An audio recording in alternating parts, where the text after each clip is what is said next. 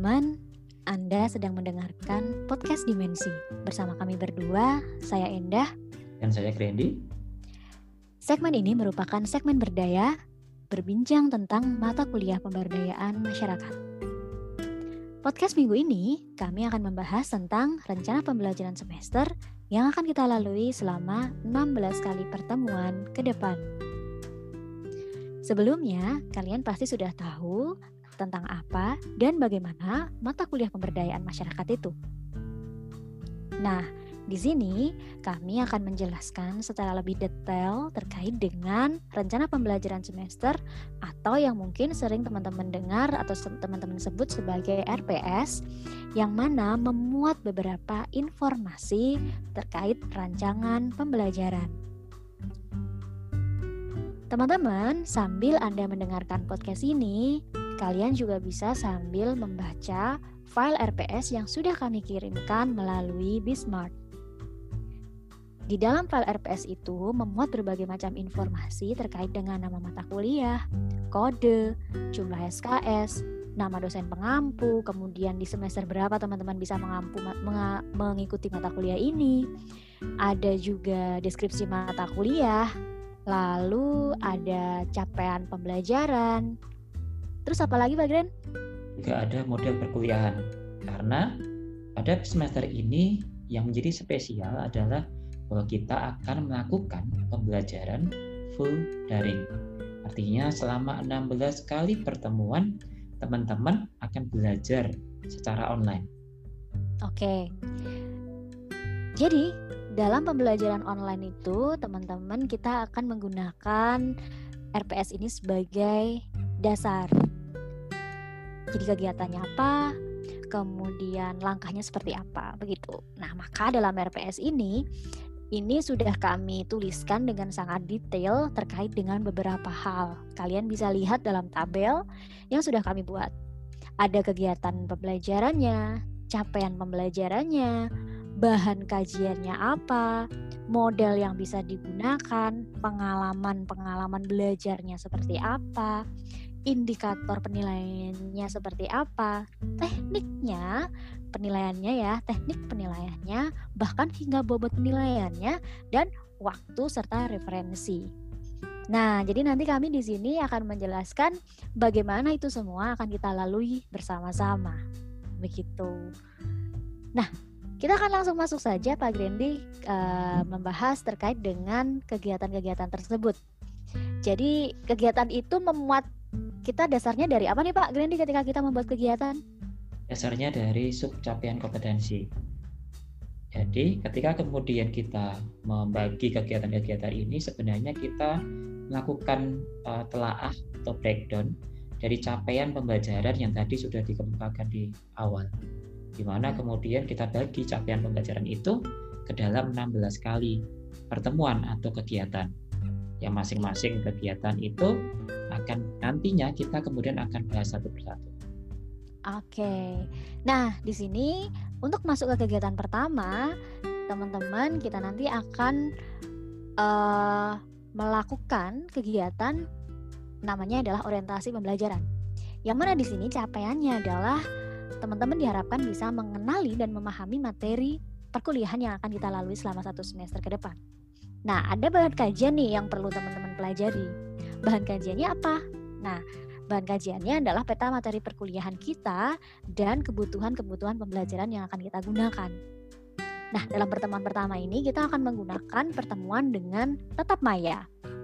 Jadi, modelnya kita akan bertemu tapi bukan secara fisik, tapi kita akan menggunakan platform atau aplikasi bisa dengan Zoom, Webex, Google Meet, Big Blue Button, atau mungkin aplikasi yang lain.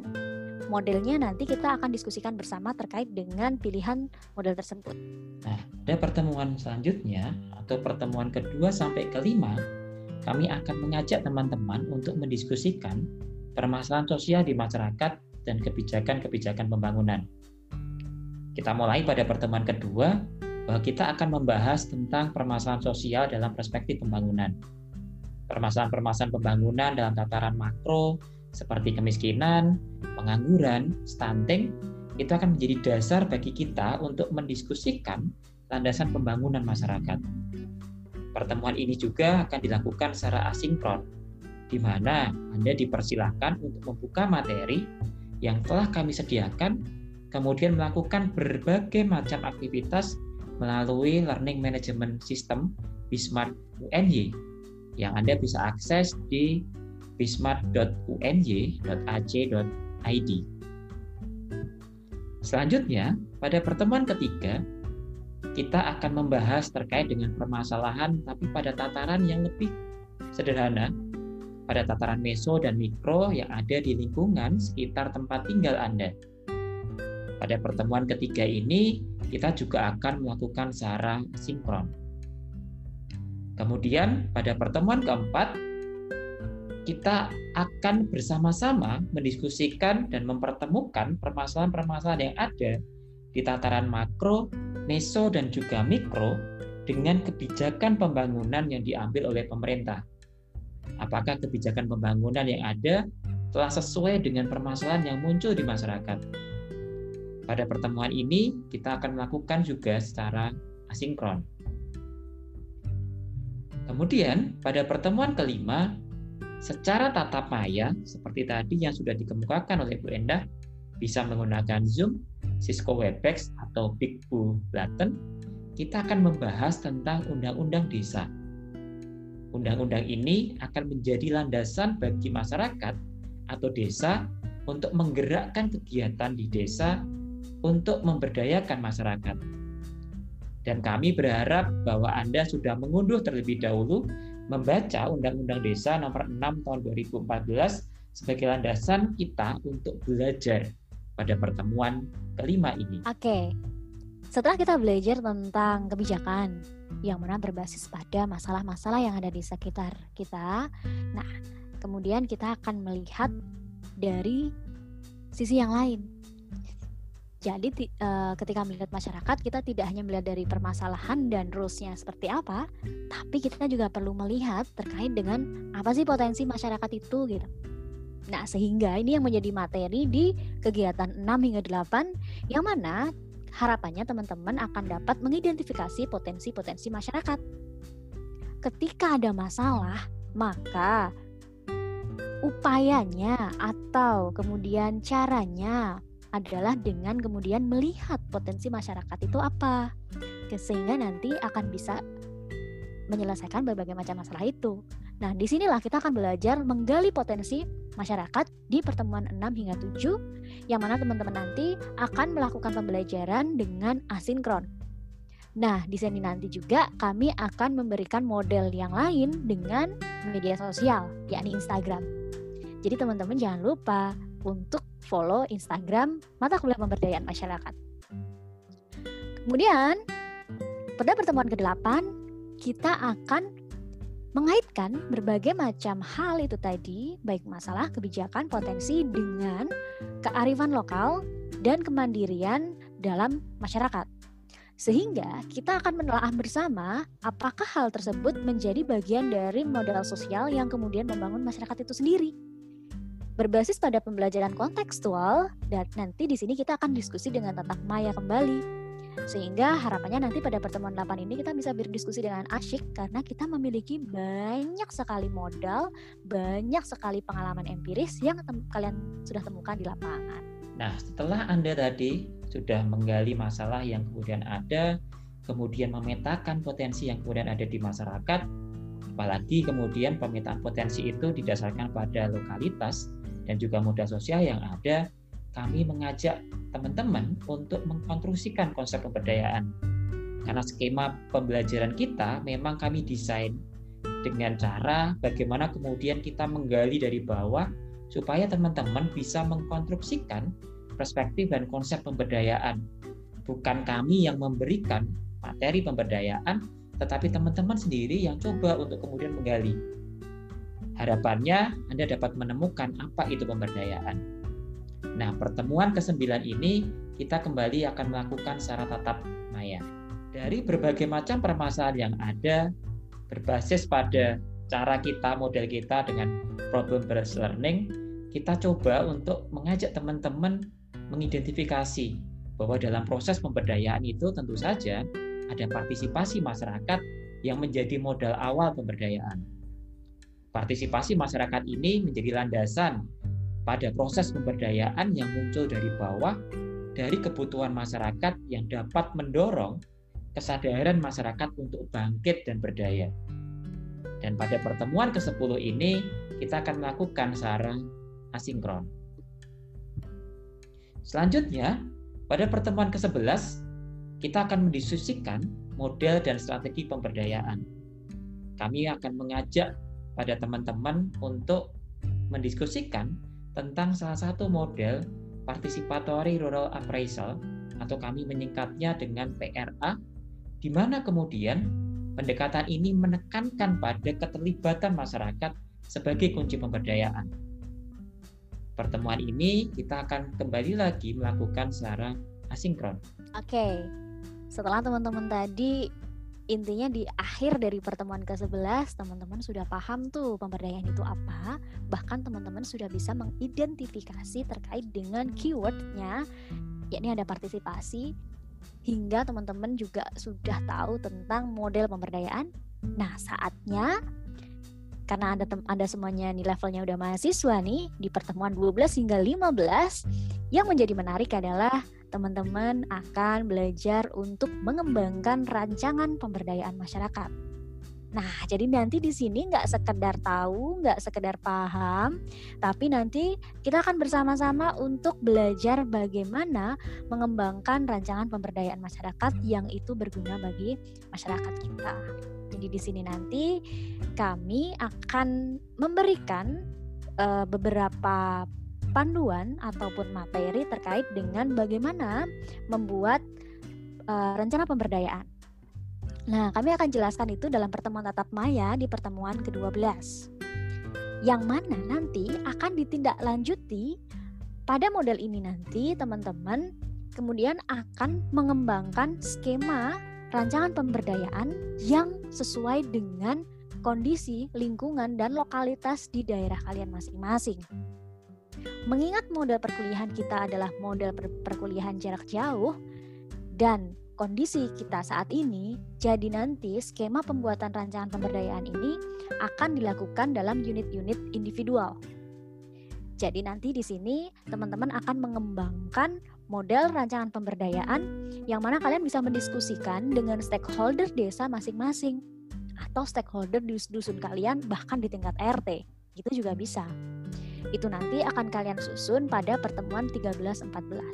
Sehingga kami menyebut di sini teman-teman melakukan uh, pembelajaran dengan discovery learning sekaligus project based learning. Di sini tentunya kita akan melakukan secara asinkron. Selanjutnya, rancangan yang sudah kalian buat tentunya perlu untuk didiseminasikan Nah, di sinilah nanti pada pertemuan 15, teman-teman kita akan melakukan paparan skema rancangan tersebut. Nah, harapannya kita bisa bertemu dengan tatap maya. Kalau bisa nih teman-teman, selain teman-teman mempresentasikan bersama-sama dengan kita semuanya, kita juga akan menghadirkan narasumber loh, yang mana mungkin akan menjadi pemantik diskusi yang menarik atau nanti juga teman-teman sangat memungkinkan untuk sebelumnya sudah melakukan presentasi bersama dengan stakeholder terkait. Nah, tentunya menarik bukan model seperti ini? Berikutnya, nanti hasil dari rancangan atau skema itu harapannya tidak akan hanya berhenti sampai di situ. Tapi teman-teman nanti akan bisa menggunakan itu sebagai benar-benar rancangan yang bisa kalian serahkan ke desa masing-masing. Nah, pertemuan terakhir ini yang kalian tunggu-tunggu dari paparan yang sudah Anda kemukakan di pertemuan selanjutnya kita akan kemudian berupaya untuk melakukan sintesa hasil rancangan pemberdayaan. Kita berharap dari apa yang sudah teman-teman lakukan, basis project dan lain sebagainya, teman-teman akan bisa menghasilkan sebuah karya yang bisa kemudian tadi seperti dikatakan oleh Bu Enda dihantarkan untuk me, apa namanya berbagi meng, apa namanya memberikan rancangan program pemberdayaan untuk desa. Dan di pertemuan terakhir ini sekaligus penutup semua pertemuan kita dari awal sampai akhir kita akan melakukan secara tatap maya. kita mencoba untuk kemudian merefleksikan semuanya. Jadi hasilnya itu nanti akan diberikan juga ke desa gitu ya Pak ya? Iya.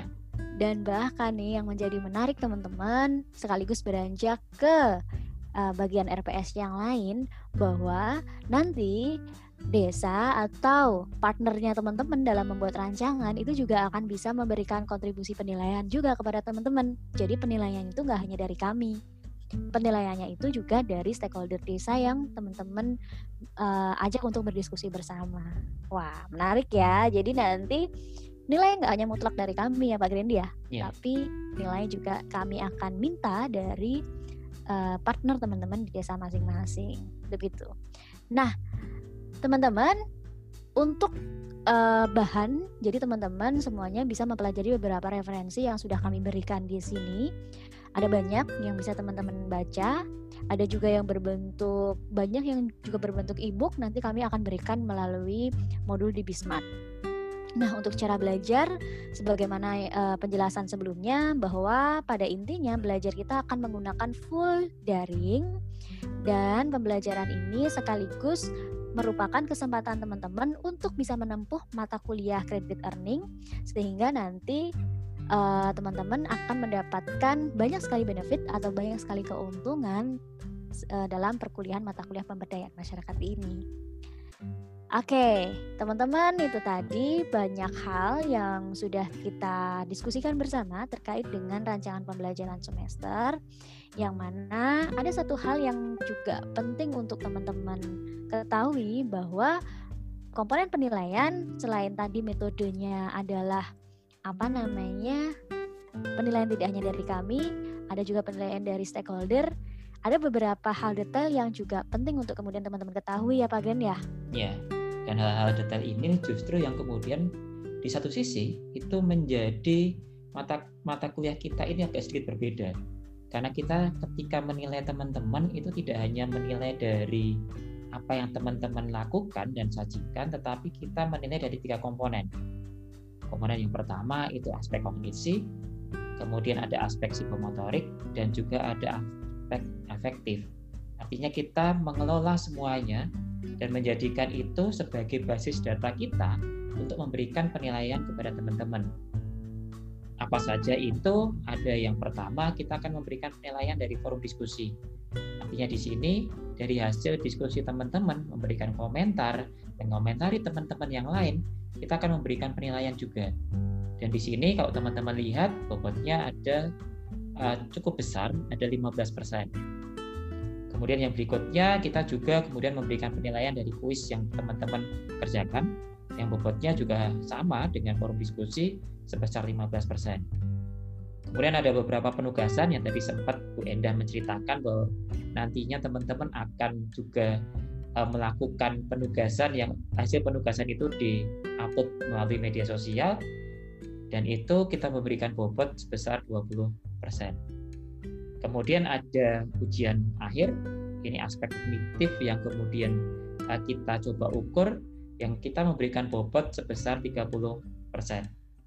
Selain itu yang dari tadi dikatakan oleh Bu Enda eh, bahwa mata kuliah ini juga mem, apa namanya me, memberikan penilaian kesempatan untuk menilai kepada stakeholder itu kita memberikan eh, apa namanya kontribusi stakeholder itu sebesar 10%. Kemudian kepribadian dan sosial itu juga sebesar uh, eh, 10%. Mungkin itu sehingga secara total nantinya ke teman-teman kalau memenuhi semua persyaratan itu akan mendapatkan nilai yang maksimal. Yang kami tahu bahwa teman-teman pasti ingin menghasilkan atau ingin mendapatkan hasil yang maksimal yaitu nilai A. Bukan begitu Bu Enda?